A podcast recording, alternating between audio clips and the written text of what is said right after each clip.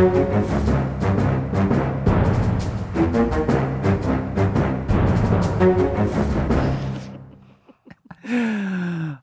da er vi i gang med denne ukens Aftenpodden, og jammen sitter vi ikke her denne uka òg. Velkommen tilbake, Trine. Jo, takk. Tilbake fra dødens foregård. Ja, altså det, det var jo en, eh, en merkedag i koronaens eh, lange historie da den ja. slo deg ut forrige uke. Jeg gjorde det, eh, og jeg er skuffet. Jeg er veldig skuffet. Og for det første er det jo det er helt greit å få det, men jeg er skuffet over at jeg merker det. og jeg er skuffet over at jeg eh, fremdeles er så trøtt. Ja, ja. Og, og høres ut som om jeg er helt sånn tett og forkjølet. Det er jeg faktisk ikke. Jeg bare høres sånn ut. Så jeg høres liksom ut som en sånn pasient. Ja, jeg liker det ikke Sara. Nei, det, jeg mistenker at du er sånn som blir veldig sur når du er sjuk. Jeg blir litt sur. Jeg blir irritert. Tenk, Hva er dette her? Hva vitsen med dette her? Nei, men jeg tror også, jeg også ville valgt å se på dette som en stor seier, hvis jeg var koronaviruset. Eh, at, eh, at hun, la oss kalle det for en hund, eh, lyktes eh, med dette. Eh, og har fortsatt sin triumferd eh, gjennom vår lille redaksjon, da, får Det vi har vi kanskje si. gjort. Det har, det har viruset gjort. Ja, ja, for som en, en god sånn uh, nesoddensk smittering, så, så, så Altså, det, her, det skal jo sies at det er ingen intern sammenheng mellom den koronasmitten som nå har tatt for seg tre fjerdedeler av vår podkast. Uh, men, men Kjetil er jo nå nede for telling, eller i hvert fall altså nede for telling. Han satt vel hjemme og skrev kommentarer i går, men Ja, men det eh, var litt sånn som meg òg. Jeg syns det gikk fint de to første dagene. Tre, et, et par tusen milligram Paracet. Dette går superbra. Og så bang! Og ute. Og nå er Kjetil litt der, tror jeg. ja. Men det blir spennende å se om Kjetil klarer å beholde sitt intellekt eh, og sitt gode hode, da. Eller om han også får en liten sånn eh, slags sånn eh, covid-hjernetåke. Ja, det, jeg, jo... jeg, er også- jeg er litt eh, satt tilbake intellektuelt, det må jeg bare si. Og ikke minst på hukommelse. Så det er jo, det er jo ikke mye å snakke om her, altså. Nei, men Det lover veldig veldig godt. Jeg skulle si, eh, Nå er vi jo tilbake i å si, Original Gangsters fra Aftenpodden, så, så vi må jo vise at vi 2015-crewet. 2015-crewet, ja. Altså Før Kjetil kom inn og kunne briljere med sine Alt han har lest, Ja, alt han har lest, alt han har sett, og vært på teater og skrevet om ja, og det er, eh, Greit, det var tre kommentarer om dagen, Alstheim. Koronaen tok deg òg. Så får vi se om vi klarer å leve opp til det. Eh, vi lurte jo på derfor da, på om vi skulle sikte veldig høyt og snakke om Ukraina. Ja, det lurte vi på. Men I eh, ett sekund lurte vi på det. Ja, for det, altså det, det finnes det mange bedre altså for, det, for det første finnes det mange bedre analytikere av det som skjer der. eh, Og for det andre så endrer seg jo ting eh, time for time. Så så eh, utdatert kan vi ikke risikere å være. Nei, nei det skulle tatt seg ut. Så, så det får jo Vi anbefaler jo resten av Aftenpostens glimrende journalistikk for å følge det som skjer der. Absolutt. Vi har team der, faktisk. Nettopp. må jeg få lov å reklamere for. Vi har Ja. et team der. Eh, Så eh, jeg møter folk og snakker litt om hvordan de har det. De trodde jo det skulle bli krig i går. Det ble det ikke. Det. Men det kan fremdeles bli. Hvem vet? Ja. Det som vel uansett skjer, eh, er eh, det som er, det er sånn eh, I Aftenpoddens årlige kalender så er det noen ting som er eh, markert inn. Eh, og blant dem er altså sentralbanksjefens tale. Den går, ligger jo ikke inne i alles kalender, Nei. egentlig. Og det er hyggelig at du sier talen, Lars, uh, men det det egentlig er, er jo middagen etterpå. Ja. Uh, den O store Norges Bank-middagen, eh, som jo er, vel, vil jeg påstå, den mest eliteaktige forsamlingen i Norge. Mm. Det er den vanskeligste festen å bli bedt på, og enkelte her har jo ikke nådd det målet i livet. Nei, altså enkelte, det er vel faktisk uh, fler, flertallet her. Alle bortsett fra Trine. Ja, og en viktig grunn til å nevne denne middagen hvert år, det er jo at jeg fremdeles er den eneste av oss som, eh, som får lov å gå på den. Mm. Og i år så er jo den eh, tatt dratt ned enda mer, fordi at eh, på grunn av alt vi vet. eh, Så det er nåløyet er mindre enn noen gang. Men for syne meg så har jeg ikke klart å tyne meg gjennom det målet. Nå skal jeg riktignok gjøre en jobb for dem, da, så jeg skal eh, intervjue Øystein Olsen etter tallet i dag. Det er hans siste årstale. Og vi har jo da fått en ny sentralbanksjef, det har kanskje noen fått med seg. Mhm. Så neste år blir det jo Jens Stoltenberg skal holde den talen. Men det er 100 år siden den første talen ble holdt.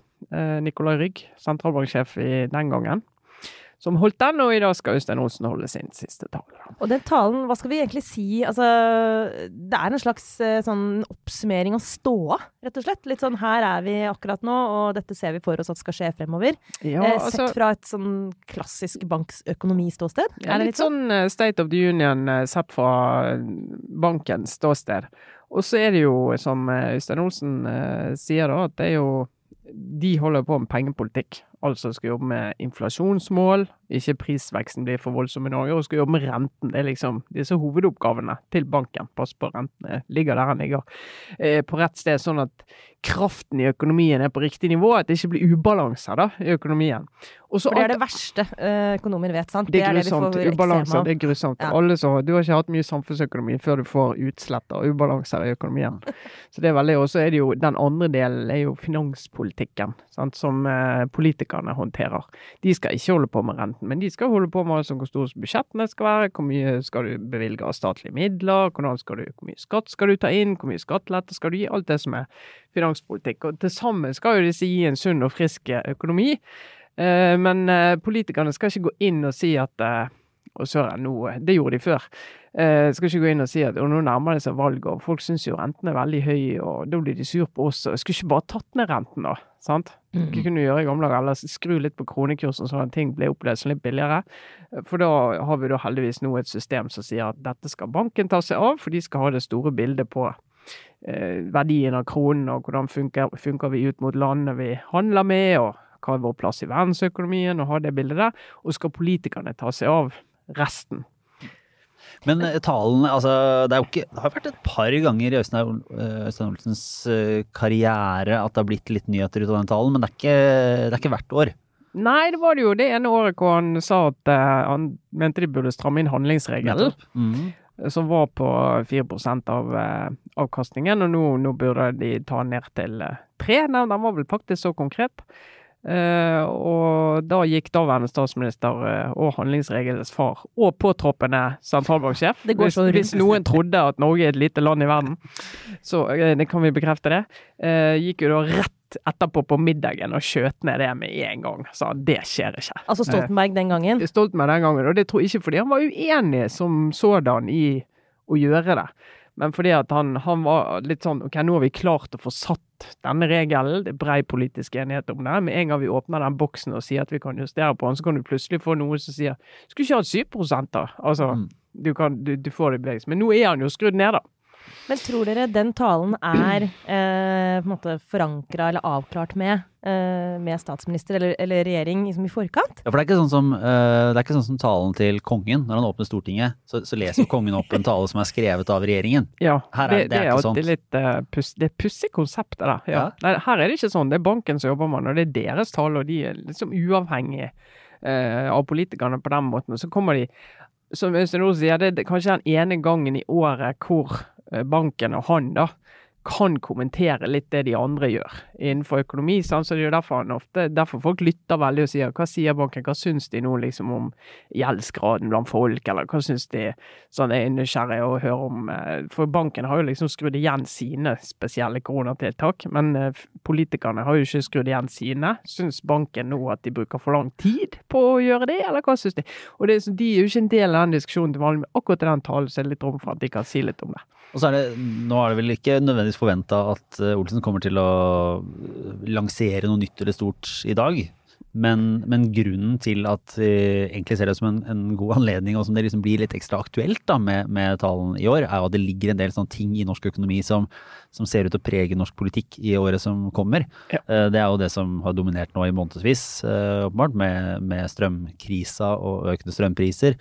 Eh, man ser det i høye bensinpriser. Eh, man ser det ikke minst, kommer til å kjenne det ganske mange på, på renta som skal opp. Mm. Um, og ikke minst det Trine var inne på, på pengebruken på alle disse koronatiltakene. Det er sånn vi har blitt vant til at vi har dem nå, men det er, det er jo snakk om helt enorme summer. Eh, rett ut av eh, altså, offentlige midler.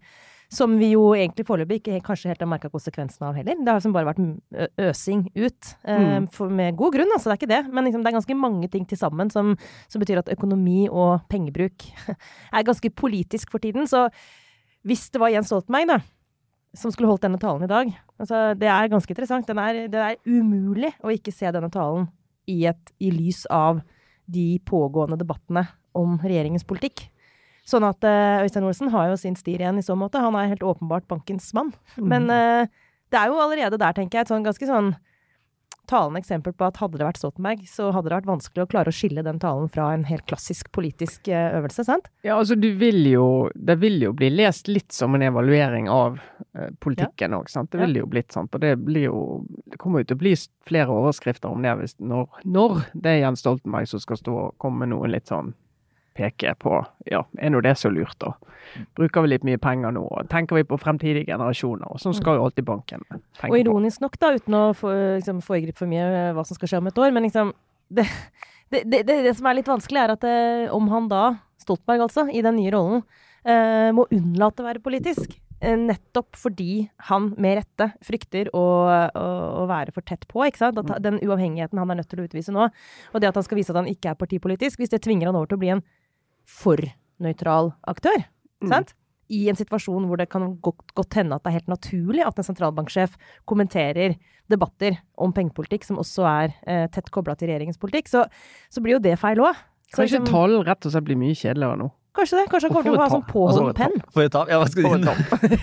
Mye kjedeligere, så det er kanskje godt gjøres. det må jeg si, ja, det var eh, For, for, for eh, for de aller fleste er det ikke sikkert at det kommer til å At den delen av det her kommer til å ha så mye å si for hverdagen. Men det er jo interessant eh, å, å se på nettopp hva Altså, Jonas Gahr Støre, om han følger med på talen, det gjør han helt sikkert, men, mm. men uh, han følger nok ekstra godt med på liksom, de forskjellige økonomiske indikatorene i det året som ja, kommer. Han gjør det. Uh, for det ligger jo an til å tror ha mer å si nå enn det har gjort på ganske mange år. Ja, og det blir litt sånn, altså Det var jo It's the economy stupid er jo et begrep som ble coinet, som det heter, eller myntet, som svenskene sier, ja. sant, av en av strategene til Bill Clinton tidlig på 90-tallet. Nå skulle på en måte forklare en vellykket eh, presidentkampanje, og det, sånn har det jo vært siden, og særlig amerikansk politikk var det jo ofte det helt til nylig. At liksom, ok, du kan ha så mange saker og prosjekter og alt du vil, men det folk er opptatt av, det, det er økonomien og sin egen hverdag og handlingsrom og alt det dette. Og i Norge har vi vært litt sånn It's not the economy stupid. Mm. sant? For altså, Vi har jo hatt eh, valgkamper og tema og liksom, som har vært mer sånn av, en annen kaliber, fordi vi har hatt en fantastisk eh, nasjonal økonomi. Eh, og folks inntekter har jo økt, og økonomiske handlingsrom har blitt bedre. sånn at akkurat det med å spille på den økonomiske usikkerheten, det har ikke vært så veldig marked for det i norsk politikk. I år blir det jo annerledes, sant? på grunn av alt det vi snakket om i sted.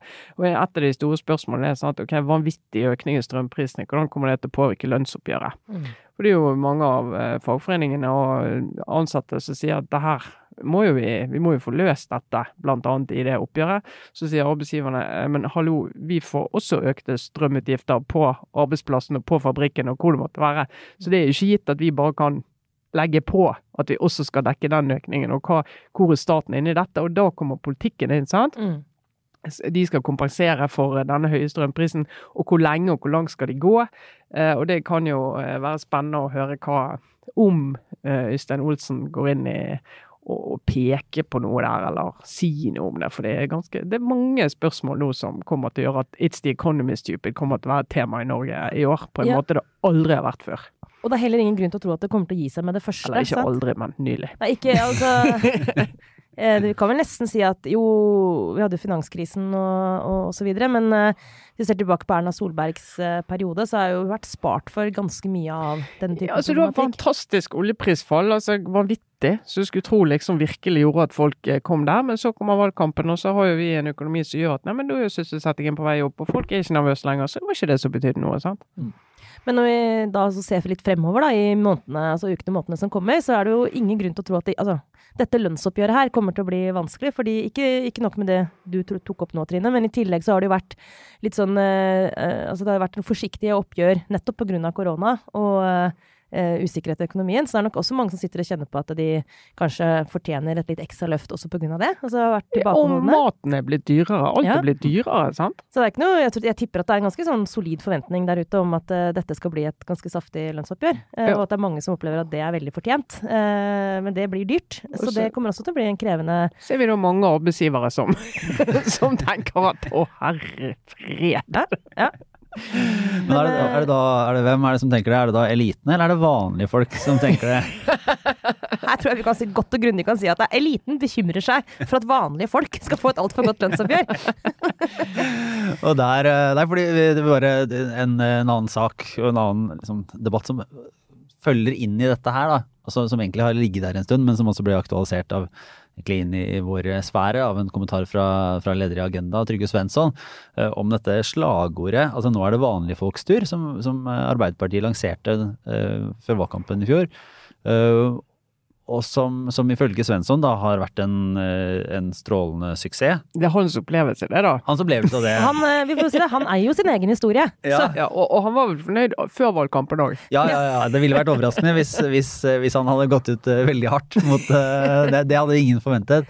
Eh, Men det er likevel det er jo det er, som er debatten om det, eller altså spørsmålet om det er vellykka som slagord, er jo, er jo interessant, syns jeg, fordi at det jo Det er litt sånn åpent spørsmål, og det er et av Uansett hva man eh, måtte Ja, vellykka eller ikke, det kan vi se på. Men, men det har slått gjennom. Det er et av få politiske slagord som har, som har blitt definerende for enormt mye av den politiske diskusjonen ja, så i lang, lang tid. Ja, men, ja, ikke sant? Men Trygve Svensson sitt poeng da, er at det er i seg selv et bevis på at det er vellykka. Mm. Ikke sant? Han argumenterer ut fra en sånn all PR er god PR.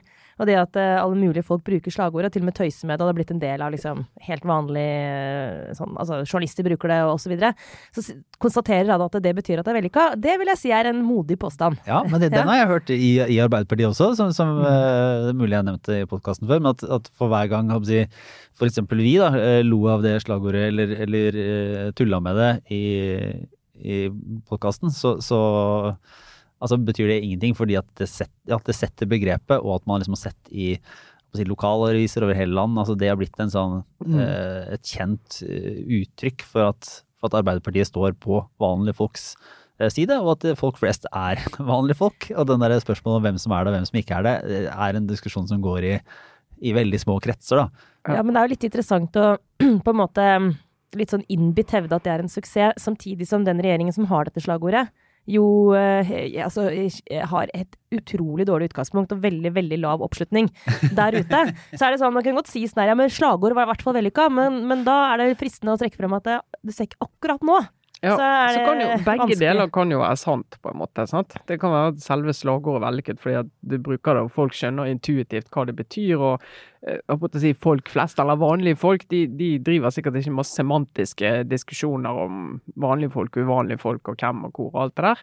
Eh, Men så er det jo på det politiske, da. Det er jo ingen regjering som har falt raskere i oppslutning enn dagens regjering i nyere tid. Altså det har virkelig vært en sånn fra velgerne god natt dette var ikke det jeg stemte på, Opplevelsen. sant? Og det handler jo om litt andre ting. Det handler jo om å legge, skru forventningene så høyt opp at du har en fallhøyde som det er helt umulig å, å Ja, er levere kanskje, på. kanskje så mange definerer seg inn i den vanlige folk-sekkeposten at, at eh, de blir skuffa fordi at det ikke oppleves som at det er deres tur. Ja, eh, når, eh, når de når strømprisen går opp. Ja, ikke sant? Selv uvanlige folk syns jo det er dyrt med Ja. strøm nå. Ja. Og det er kanskje også en sånn Og det, det, det kunne jo ikke Støre og hans folk eh, styre. Eh, De kunne kanskje ha forutsett det, men, men det er jo uansett sånn at eh, de tingene som har rammet oss fra utsiden, altså strømprisene og også hele pandemisituasjonen, det har jo vært et brutal, en brutal trøkk for veldig, veldig mange, og, og veldig, veldig mange vanlige folk. Og det er jo spørsmålet som du var inne på, Trine, om de har fått møtt seg sjøl i døra. Ikke bare at de har et slagord som da Altså, nå er det vanlige folks tur til å bli rævkjørt, liksom. At, altså, det er fristende å tenke at Hva faen mente dere med det? Unnskyld eh, språket. Eh, men også det at eh, de lovnadene da møtte veggen, ganske sånn brutalt. Så kan det selvfølgelig være sånn at det er mulig å hente seg inn igjen. Det er en lang periode de skal sitte, sannsynligvis. Ja. Men det ser ikke så lyst ut akkurat nå. Og det handler jo litt om at omstendighetene rundt dette regjeringsprosjektet gjør det ganske vanskelig. det er beintøft. Og så tenker jeg vel at av de eh, to partiene, Senterpartiet og Arbeiderpartiet, så er nok Altså Fallet til Senterpartiet er jo mye mer dramatisk enn det for Arbeiderpartiet. sant? Eh, og du, Hvis du ser på de her velgerforflytningene, så ser du hvordan altså alle protestvelgerne og de som virkelig ville ha noe annet nå, og de som nå rømmer fra Senterpartiet og drar til Rødt og altså fyker rundt til et nytt protestparti eh, for å se om det er noe å hente der. Og du, du får jo i hvert fall folk som snakker på en måte som du, som du ønsker deg. Mens Arbeiderpartiet har jo gått i valgkamp, som jeg har sagt før, jeg skal aldri tilgi de at hvis de surrer det til med denne domstolsreformen og et par andre sånne reverseringer som er helt natta. Men de har iallfall gått inn og, og bygget seg en liten velgerbase på ting som er Altså, det er jo substans, det er mulig å gjøre. Det liksom De kan på en måte si, sant Vi har nevnt Hadia Tajik før, som har gjort ting på arbeidslivspolitikken og liksom tikker og ruller og går i en retning, da. Som jeg tror at en del av de velgerne til Arbeiderpartiet vil se. Klart de, de er også protestvelgere, og sånn er det jo under en eh, periode du sitter i regjering. Men du kan liksom si at OK, vi, vi lovet det, og vi er nå på vei. Men Senterpartiet har jo lovet ting helt ut i skoddeheimen. Eh, hevet forventningene sant, til hva som skal skje nå. Og ikke minst når du da skjer, ser alt det som skjer med reverseringen og alt det der, så blir folk litt sånn Ja, og så da? Mm. Og så da? Du har reversert, men, men hvordan blir min hverdag bedre av det? Mm. Det er mye vanskeligere. Og da, og da har du jo en sånn situasjon Jeg ser noen eh, kommentatorer, bl.a. Uh, Emil André Erstad i, i Vårt Land, eh, har skrevet og prøvd å forklare da det faktum at regjeringen sliter sånn med at de mangler liksom et narrativ. Klassisk sånn eh, ting som kommentatorer er opptatt av, og ingen andre. Det er vanlige, vanlige folk etterlyser. Vanlige folk skriker etter et narrativ. et narrativ. Men han, han pekte på at denne regjeringen mangler på en måte noen folk som, som er gode nok til å forklare hva prosjektet er.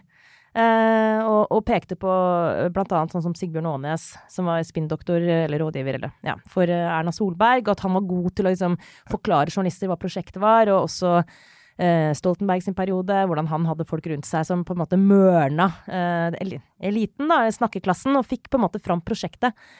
Men jeg ser at eh, Kristin Clemet blant annet har gått eh, i rette med denne kommentaren da, på sin blogg, i det jeg syns er en ganske god kommentar, hvor hun sier at problemet er jo ikke at de mangler et narrativ. Problemet er at det narrativet de har, eh, møter, gjør at de møter seg sjøl i døra. Mm. Nettopp fordi, som du var inne på, Trine, at eh, de har jo en historie. Ja, ja, for den er jo De har jo et Ja. prosjekt. Mm. Ja. Problemet er at det er ikke mulig å gjennomføre i virkeligheten. Mm. Så de har, solgt inn, de har solgt inn et prosjekt som er kjempetydelig. Ikke bare at det er vanlige folks tur, men også det med reversering av Mm. reformer, og at du skal rett og slett bare pøse eh, så mange midler og ressurser ut. Høy, altså, på Nesna, som er et perfekt eksempel. Mm. Eh, som bare viser at det, det går ikke. Og det er problemet. Ik ikke at de ikke har en historie, problemet er at de har en historie som er for god eh, Ja, til ja. å være sann. Ja, eller at historien er øh, Altså at omstendighetene, da, for strømprisene f.eks., er bare er, går liksom i direkte angrep på den historien og narrativet om at nå har på en måte de øverst på bordet fått, øh, fått mest de siste åra. Nå er det liksom de aller flestes tur til å få det bedre. Som jo er et helt sånn det er ja, egentlig ganske tydelig og fint, men som møter en, en vegg i høye strømregninger som Ja. de har balla med å få opp, og, og på en måte vanlige arbeidsfolk som møter en eh, vegg i, i koronatiltak og, og trøbbel i måneder, Mm. som, som gjør, det, gjør det vanskelig. Du ser jo nå at eh, altså, Frp, eh, Folk flest-partiet, er jo, Mm. omfavner jo nå vanlige folk-ordbruken eh, vel så mye som Arbeiderpartiet på et vis. da. Så Ja, ja, de, det jo et definitivt. Folk flest har jo vært deres eh, gjeng, da, i alle Mm. år. Jeg vet ikke helt forskjell på folk flest og vanlige folk, men det kan Nei, det kan være nyanser her. Det kan Ja, være ja, nyanser. men jeg er glad i den situasjonen der, og det merker du òg, altså hvordan da en Trygve Slagsvold Vedum er ganske hjelpeløs når han sitter med ansvar og er i posisjon, sammenlignet med når han var utfordrer. Eh, og når han blir utfordret på Stortinget, og nå er det virkelig blitt en snakkis i hvor liten grad han svarer på spørsmål i Stortinget, og står der og eh, Kjetil har jo skrevet noe blant annet, står der og egentlig oppfører seg som om han er i valgkamp, og som om han er i, i opposisjon. Eh, og når Tina Bru spør han sant, om strømpriser og hvordan vi skal gjøre dette, så det eneste han klarer å svare er at jeg skjønner ikke hvorfor Høyre spør om dette, de ville jo ikke ta ned elavgiften. Så blir sånn, ja men altså For, for velgerne og folk der ute, akkurat den elavgiften og strømprisen er sånn som de er nå, den er marginal, den er bitte liten, betyr ingenting. Eh, så du liksom snakker om det store bildet, sant? men da er han så opptatt av å ta Tina Bru at han skjønner ikke at en masse velgere der som har forventninger til han. Altså, rapport å si, Drit i Tina Bru, holdt jeg på å si. Men han må jo bruke anledningen til å snakke og gi folk en tro på at han vet hva han holder på med, og at han er på vei et sted. Men han misbruker den muligheten fordi han er så veldig sånn «Ja, Nei, sant? du har heller ikke noen løsning. Og det blir, det blir jo veldig infantilt, altså. Og litt så fanget av sitt eget, eh, sin egen historiefortelling òg. Mm. jeg syns jo også han Kjell Terje Ringdal, eh, som vel egentlig er først og fremst retoriker Det er også en sånn eh, kanskje ikke vanlige folks eh, foretrukne Yrkesgruppe. Yrkesgruppe. Han skrev på NRK Ytring eh, lang analyse av eh, også dette slagordet 'vanlige folks tur'. Men han peker på én ting jeg syns er interessant der, som handler om at han mener at det slagordet det spiller liksom på to følelser, eller liksom stemningsbølger. Det er polarisering. Altså Hvis noen er vanlige folk, så er det noen som ikke er det. Sant? At du spiller på det. Eh, og nostalgi. Eh, og så er det hans analyse, det, altså, men han trekker parallell, paralleller til andre typer ganske sånn verdikonservative politiske bevegelser, som har vært opptatt av å måte, se tilbake på det, på det landet man, eller den nasjonen man en gang hadde. Og han trekker faktisk frem Sverigedemokraterna. Det er litt urettferdig i denne sammenhengen, men de, de hadde et slagord som var, nå tar jeg det på husken, bare sånt som da Sverige var Sverige. Eller noe i den dur der, ikke sant. Men at det spiller på nostalgi, eh, kanskje til og med hvis man vil dra det litt langt, nasjonalisme. En eller annen form for sånn tilbakeskuenhet, som, som jo kan fungere veldig bra, men han sånn Fordi det appellerer til følelser, og kanskje til liksom frykt for for, hva, for den skumle framtiden. Men hans poeng også er at det, det, hvis du skal ta det over i praktisk politikk, Mm. så blir det en politikk som blir opptatt av å reversere og være tilbakeskuende, og ikke offensiv og framtidsretta. Og så må man være litt forsiktig med å tro at det er en så klar sammenheng mellom et slagord og faktisk politikk, da. Mm. Heldigvis så er det jo ofte Men noe, men, men noe av gleden er jo at, det, at slagordet det, derfor, altså Grunnen til at det går an å diskutere det, og grunnen til at det fungerer, er jo at det er tydelig nok. Ikke sant? Ja. For det gjør en faktisk prioritering. Ja, ja, Eh, og det gjør jo ikke var det nye og bedre løsninger, eller hva det var Høyre hadde i 2013. eh, det- som er sånn nye det. ideer og bedre Ja. løsninger. Er på en måte, det er ingen som kan være imot. Her er det noe som det kan, kan du faktisk diskutere, og, og i en sånn klassisk økonomisk politikk så er det jo helt sånn på en måte helt gjennomførbart å skulle tenke at eh, vi prioriterer eh, Ja, de altså, med dårligst Det er økonomi. bare godt å gå inn på skattet. Ja. Der har du verktøyet ditt. Så sier du på skatt, de skal, de skal få mindre, og de skal få mer. Altså, det, det, det går du, du kan bare si huke hake av og gi tallet. Mm. Sånn at det, det er jo mulig å påvirke eh, disse størrelsene. Så du kan si i beste fall, så kan det, hvis det faktisk er liksom det slagordet eh, styrer faktisk politikk, så kan vi si i beste fall så blir det en enkel måte å tydeliggjøre f.eks. da det som fra venstresiden vil være en mer rettferdig skattepolitikk. sant? Mm. Og veldig sånn konkret og greit. Men jeg tror Ringdal har et poeng i at det finnes også en undertone i det eh, narrativet, da, for å bruke det, som ikke er konstruktivt. Eh, og som også kan komme og liksom slå dem i bakhodet. Hvis den derre polariserende tonen og den der oss mot dere-greia blir det som på en måte blir etterlatt inntrykk, da. Og da kan man jo se f.eks. til Danmark, hvor Ja, Mette Fredriksen Ja, har fordi jo ja. det, det, altså, var det, nå er det Arnes tur, var det det som var det er jo det samme. som Arne er jo vanlig utrolig bra, utrolig bra. Det, det, er- danskene gjør det. det var, de var jo først ute, og det, det er vel ikke konspiratorisk å tenke at det var en viss innflytelse derfra da Arbeiderpartiet valgte sitt heller. Men eh, nå er det Arnes tur, er, er jo et, et slagord som jeg mener det er schwung over, men som blir trukket fram av av eh, Svensson som en, eh, et positivt eksempel, Ja. Eh, og det kan vel sies å ha vært. Men der er det også en interessant utvikling litt nå på, på sikt og etter hvert, og hvordan Mette Fredriksen posisjonerer seg med tanke på Arne. Ja, altså hun, fikk jo en, hun fikk jo en kjempesmell i lokalvalget, sant. Og Det gikk, jo, ja, det gikk jo rett og slett ikke så veldig bra med Arne. Altså, det var en litt sånn rask opptur og så en litt brutal nedtur. det Fordi Arne i byen følte ikke at han Arne tålte ikke helt den turen dit til København. det, var, det, var, det var litt for få Arner i byen. Ja, altså, hun ble jo genierklært, og også med rette. Altså, Mette Fredriksen tok jo egentlig danske, de danske sosialdemokratene også sånn godt og grundig tilbake. Uh, hun tok over etter Helle Thorning-Smith, som jo absolutt ikke uh, henvendte seg til Arne. Sånn i utgangspunktet.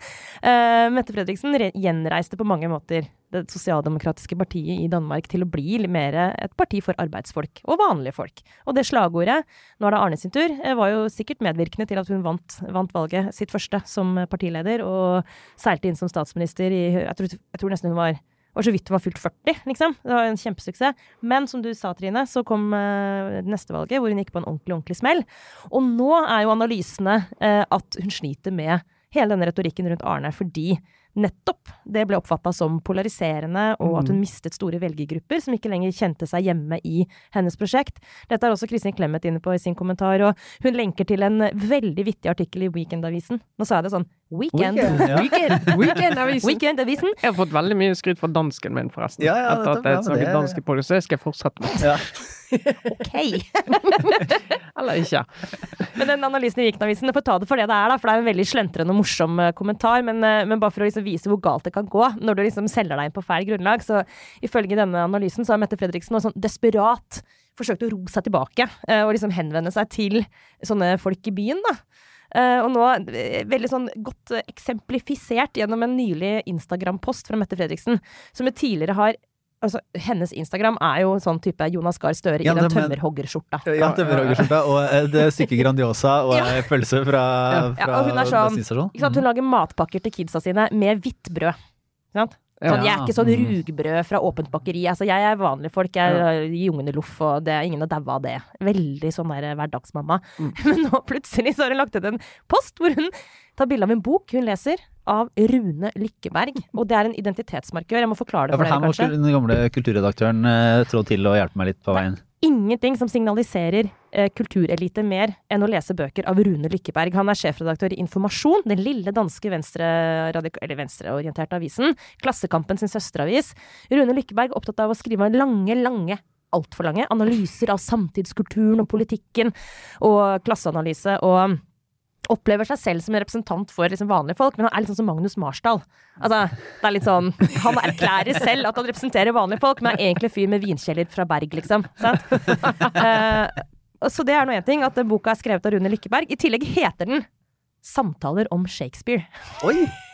Ah, Arne! Her faller Arne. Altså, jeg er ikke sikker på Arne henger Altså, med. Dette er å gi fingeren til Arne. Altså, hun skriver da på Instagram 'Kositter og koser meg med denne gode boken' av Rune Lykkeberg. Men, ha, Altså, men ha, har hvis hun da hadde kombinert med sånn med noe godt rødt i glasset eh, på vei fra livets skole, så hadde det på en måte veid litt sånn opp, da. Men her er det Eller glass sprit, Ja. liksom. nei, altså hun, nei, det hun skriver, bruker det som knagg til, er å fortelle at hun er veldig glad for at kulturlivet i Danmark nå kan åpne igjen. oh, ja. Ja, Så da får vi se da om dette stemmer. Er Kanskje litt vanskelig å analysere et helt parti ut fra én Instagram-post, men dette Nei tyder da, på Sara. Nei, vi gjør det. Det er ikke vanskelig. Det er kjempelett. Hvis vi skal legge dette til grunn, så kommer Jonas Gahr Støre i løpet liksom, når det nærmer seg neste valg, til å legge ut ja, hva, han, hva kan han gjøre hvis han skal nå komme hjem igjen? Kom hjem til oss her i storbyeliten. Hvis du skal tenke eh, substans, Ja, så er det rusreform. Ja Hvis du skal tenke substans og store byene og AP, potensielle Ap-velgere i store byene, så er det rusreform. Det er den han kan ta opp igjen. Ja, Ja. Hvis, han, hvis han gjør det. For det, er en type sånn sak som, som sitter i. Og så virkelig er sånn Ap-velgere begynner skikkelig skuffet Ja, og over Oslo Ap også. I, ja.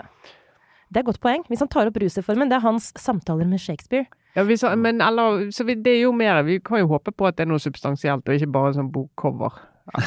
Altså hvis det, hvis det- bare, hvis det bare er Optix, så må det være at han går og kjøper seg en caffè latte med sånn havremelk. eh, Men, altså, på, det, er noe, jeg tror det er noe, det er noe fransk litteratur involvert, i hvert fall. og en veldig fin fransk dress. De som han, de som han hadde på seg i Ja. gamle dager. Ja. En liten sånn eh, Eller en liten weekend. At han tar en oval weekend i Paris Ja. eh, i en fin dress og legger ut bilde med et sånt glass veldig tørr eh, fransk hvitvin. Ja. Vi får se om det vidunderlige kommer til å skje. At vi Økologisk hvitvin fra Frankrike, da har vi det gående. Ja, ja. Nei, men eh, da går vi videre til en runde med obligatorisk refleksjon. Ja, da kjører vi rett på anbefaling, tenkte jeg også. Ja, det er fint det. Jeg er jo, eh, jeg vil si en oljeunge fra Vestlandet. Eh, Det vil si at du har da to foreldre, en eller to foreldre, jeg har to, eh, som har hatt eh, oljenæringen som inntekt i hele oppveksten. Så jeg liksom flasket opp på det, og bodde rundt på Vestlandet, og så bodde i Stavanger til og med da jeg var liten og sånt. Eh, oljehovedstaden. Eh, så dette er jo liksom, eh, ja, virkelig noe som eh, i hvert fall sånne som jeg fra den delen av landet har hatt med oss hele livet. Så jeg har jo sett på Lykkeland med stor interesse. Altså Eh, TV-serien. TV-serien Lykkeland. og det som var altså i sesong to, eller noe sånt? Vi er på sesong to. Eh, Den første sesongen var jeg veldig fascinert av. Den veldig, altså Kjempegode skuespillere og jeg synes gode historier. Og det er virkelig sånn godt laget, da. Eh, Og fantastisk sånn tidskoloritt. Og altså, de som har drevet med rekvisitt og kostymer og sånn, de har gjort en nydelig jobb. da, Pia Tjelta er episk god i den, eh, i den eh, serien. Eh, Og det handler egentlig om hvordan denne næringen ble så viktig for Norge. Hvordan den forandret Stavanger som by. Den Gamle Brislingbyen, holdt jeg på å si. Hermetikkbyen. Eh, revolusjon i den byen. Og hvordan det eh, forandrer mennesker, enkeltpersoner. sant? Og hele den der spenningen mellom å bygge opp en stor og lønnsom næring, eh, begynne å utvikle en sikkerhetskultur, begynne Du har masse nyrike tendenser. Det husker jeg bodde i Stavanger på 80-tallet. Det var et veldig annerledes sted enn eh, enn alle andre norske byer, vil jeg si. Eh, Og har egentlig vært det på mange måter òg, men har jo da alle sidene ved det. Noen blir jo da veldig rik, mens noen overhodet ikke blir det. Hvilke tiår er det den første sesongen utspiller seg i? Er det sånn 50-tallet? Nei, vi er jo sånn vi er jo, Si vi er rundt 1970, da, og så Ja. finner første oljen på slutten av 60-tallet, og så eh, er vi sånn tidlig 70-tall. Så vi er nå på slutten av denne, så er vi i Alexander Kiellands-ulykken. Mm. Så da er vi på slutten av 70-tallet, og den husker jo jeg. Jeg husker Alexander Kiellands-ulykken. Da var jo jeg da ti. Eh, og hadde jo ikke noe forhold til det sånn, men det jeg husker veldig sterkt, hvor preget eh, mine foreldre òg. Og så husker jeg at på radioen så var det bare sørgemusikk. Mm. Den gangen var det én radiokanal, og de spilte sørgemusikk sånn hele dagen. Og så husker jeg at jeg i min ubetenksomhet og barnslighet liksom ble så irritert. Og liksom Mamma, det er så kjedelig musikk på radioen. Og da fikk jeg meg en skikkelig overhaling. Ja. Det var virkelig sånn Nå, jenta mi, skal du høre her. Og det, og det glemmer jeg aldri, da. Og det var Kielland, for det var sånn stor sjokk, og det rystet hele den Rystet nok hele Norge, men vestlandsregionen var jo helt i sjokk i måneder, for ikke å si år, etter Mm. den ulykken. Anbefaler serien. Sesong to går på NRK nå. Nettopp. Jeg kan egentlig fortsette med en anbefaling. Jeg har liksom, jeg har ikke vært helt påkobla sånne lengre podkastdokumentarer på en stund. Jeg har liksom jobba Vært nok å høre på. Du har jo laget rett og podkast, du. Ja. Eh, men, men nå har jeg da eh, kanskje kobla med, med mer hjemmebobleliv de siste ukene. eh, begynt å høre altså The Trojan Horse Affair, som er da den siste produksjonen til, eh, til altså, teamet som lagde Serial. Altså De springer ut av This American Life og Serial og, og, og S-Town. Så det er jo folk, de har veldig veldig gode ting de har lagd før. Ja, men de har ikke liksom levert på det nivået siden Serial, egentlig. Selv om S-Town var ganske bra sånn. Ja, men der, der er jeg, jeg, jeg mener at S-Town var eh, Men det har ikke blitt sånn store globale sånn farsotten. S-Town var nok mer en sånn eh, litt mer sånn konnoissørutgave. Ja, ja, ja, ja. Serial var jo sånn et, et populærkulturelt fenomen. Og den satt jo på en måte podkastkulturen. Skapte en helt ny sjanger, egentlig. Ja. Ja. Så og nå er de faktisk mer tilbake i serial-modus, i den forstand at de prøver å, løse et mysterium. Eh, og de, de starter egentlig helt sånn kort, så, så dreier det seg om at de, de etterforskere prøver å finne ut hvem som i sin tid, da for um, seks, sju, åtte år siden, um, sendte et brev som, eh, der det ble lagt fram påstander om at en, en gjeng med eh, en måte muslimer i Birmingham i Storbritannia drev og infiltrerte skoler for å drive en form for sånn radikalisering og opplæring av barn. Da. Eh, og så der er helt kort, kort fortalt i starten, egentlig, så, så viser det seg jo egentlig at den eh, De fant aldri noe sånn nettverk av eh, radikaliserte lærere og påvirkninger. Ja, ikke sant. Det var jo litt sånn, altså, litt sånn som dette legendariske Mustafa-brevet som Mm. ble brukt i en valgkamp på, på slutten av 80-tallet. Som, som vel antageligvis var Alt tyder på var en forfalskning. Altså, det var en, en planta et vis, men det førte likevel til masse statlige inngripener og, og i skolevesenet. En eh, del eh, personer som da jobba i skolen ble utestengt fordi de mente at de fant andre ting som var problematisk. Eh, Og nå prøver podkasten å gå opp hvem som faktisk skrev dette brevet. Og nå har jeg ikke, jeg har ikke hørt helt ferdig, så jeg er fortsatt i litt sånn mysteriefasen på er det, hvilken vei vil dette egentlig gå. Men de forteller på en fascinerende måte. Og sånn uansett podkast, så er det fascinerende å se også med et litt sånn annet perspektiv på hvordan liksom britiske skolevesenet og, og deler av liksom disse byene som har hatt en sånn eh, en majoritet av innvandrerbefolkning, folk som kom fra Pakistan og India, typisk på 60-70-tallet for, for å være arbeidskraft, og så ble på en måte forlatt litt i de fattigste delene av, eh, av landet, da. Mm. Uh, og, og hadde helt sånn uh, forferdelige skoleforhold og, og alt mulig rart. Og så hvordan noen krefter da liksom tok tak i dette og fikk snudd og mobilisert. Uh, men så er det litt åpent om det var med, med metoder som på en måte ikke vil vedkjenne seg eller ikke. Uh, og der ligger mysteriet. Så det Mm. kan, uh, kan anbefales uh, å gå inn i. The Trojan Horse Affair. De er veldig gode fortellere, Serial-gjengen, Ja. så vi må jo bare bøye oss i støvet for det. Så, ja, jeg lurer virkelig på hvilken vei det egentlig skal, skal gå. Og det er jo en positiv opplevelse i en, i en podkast, tenker jeg. Åssen er det med deg, Sara? Jo, nei, Forrige uke hadde jeg kanskje litt sånn, en litt sånn latterliggjørende tone når jeg snakket om eh, folk som har blitt sånn besatt av eh, Arne Treholt-saken. Aner jeg en, en uke aner jeg en, senere. aner jeg en erkjennelse? Eh, for- eh, da snakket jeg om at jeg var litt så lei. altså I mitt yrke, så, eller vårt yrke, så er det jo noen av altså, generasjonen over som er liksom, journalister og redaktører som på en måte aldri kom seg etter den Treholt-saken, og fortsatt snakker veldig mye om den. Så jeg tenkte sånn herregud, get over it. Men eh, en uke senere, jeg er besatt av eh, Arne Treholt. For nå har jeg sett ferdig den dokumentaren på NRK.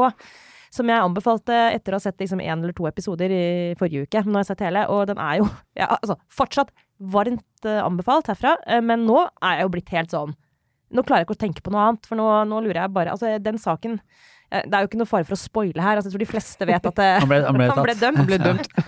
Men den derre Jeg tror nesten aldri at at jeg har vært borti en sak som i så stor grad går an å fortelle på to så radikalt forskjellige måter.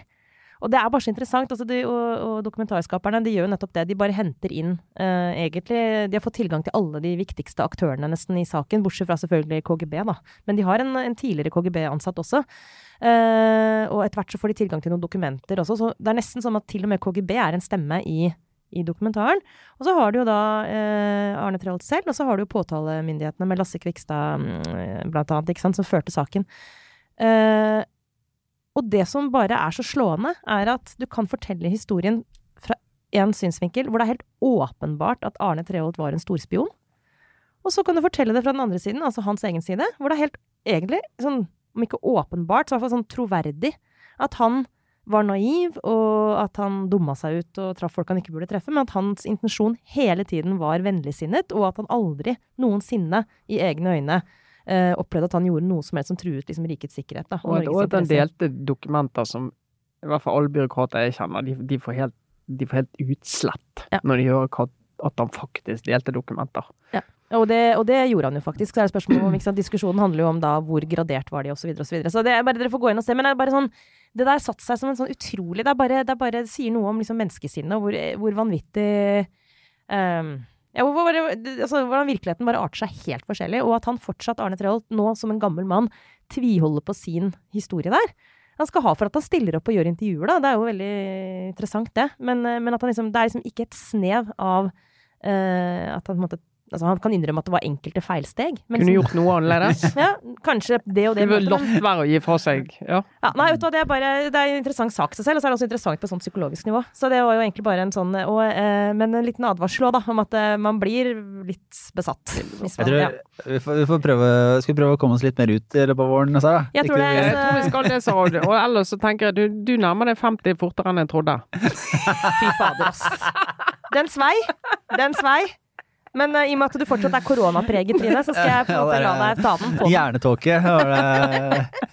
okay, men jeg kan bare si helt uh, superkort da, at jeg også ser noe som er litt mindre 50 år-aktig. Nemlig den uh, nye Netflix, nei, jo, Netflix-serien Inventing Anna som er laget av Shonda Rhimes. Den føler jeg er litt mer tidsmessig riktig for en kvinne i min alder å se. Uh, og den er god. Den har fått blanda kritikker. Jeg syns den er veldig god. Uh, det er i veldig, veldig, veldig kort uh, oppsummert form. Historien om denne Anna Sorkin, som jo lurte hele finanseliten på Manhattan, og fremstilte seg som en, en rik arving med masse penger, som egentlig var en, noe helt annet. Og det ble avdekket, denne, dette bedrageriet ble avdekket av en journalist, en kvinnelig journalist, og denne TV-serien følger henne i hennes jakt på denne historien, da.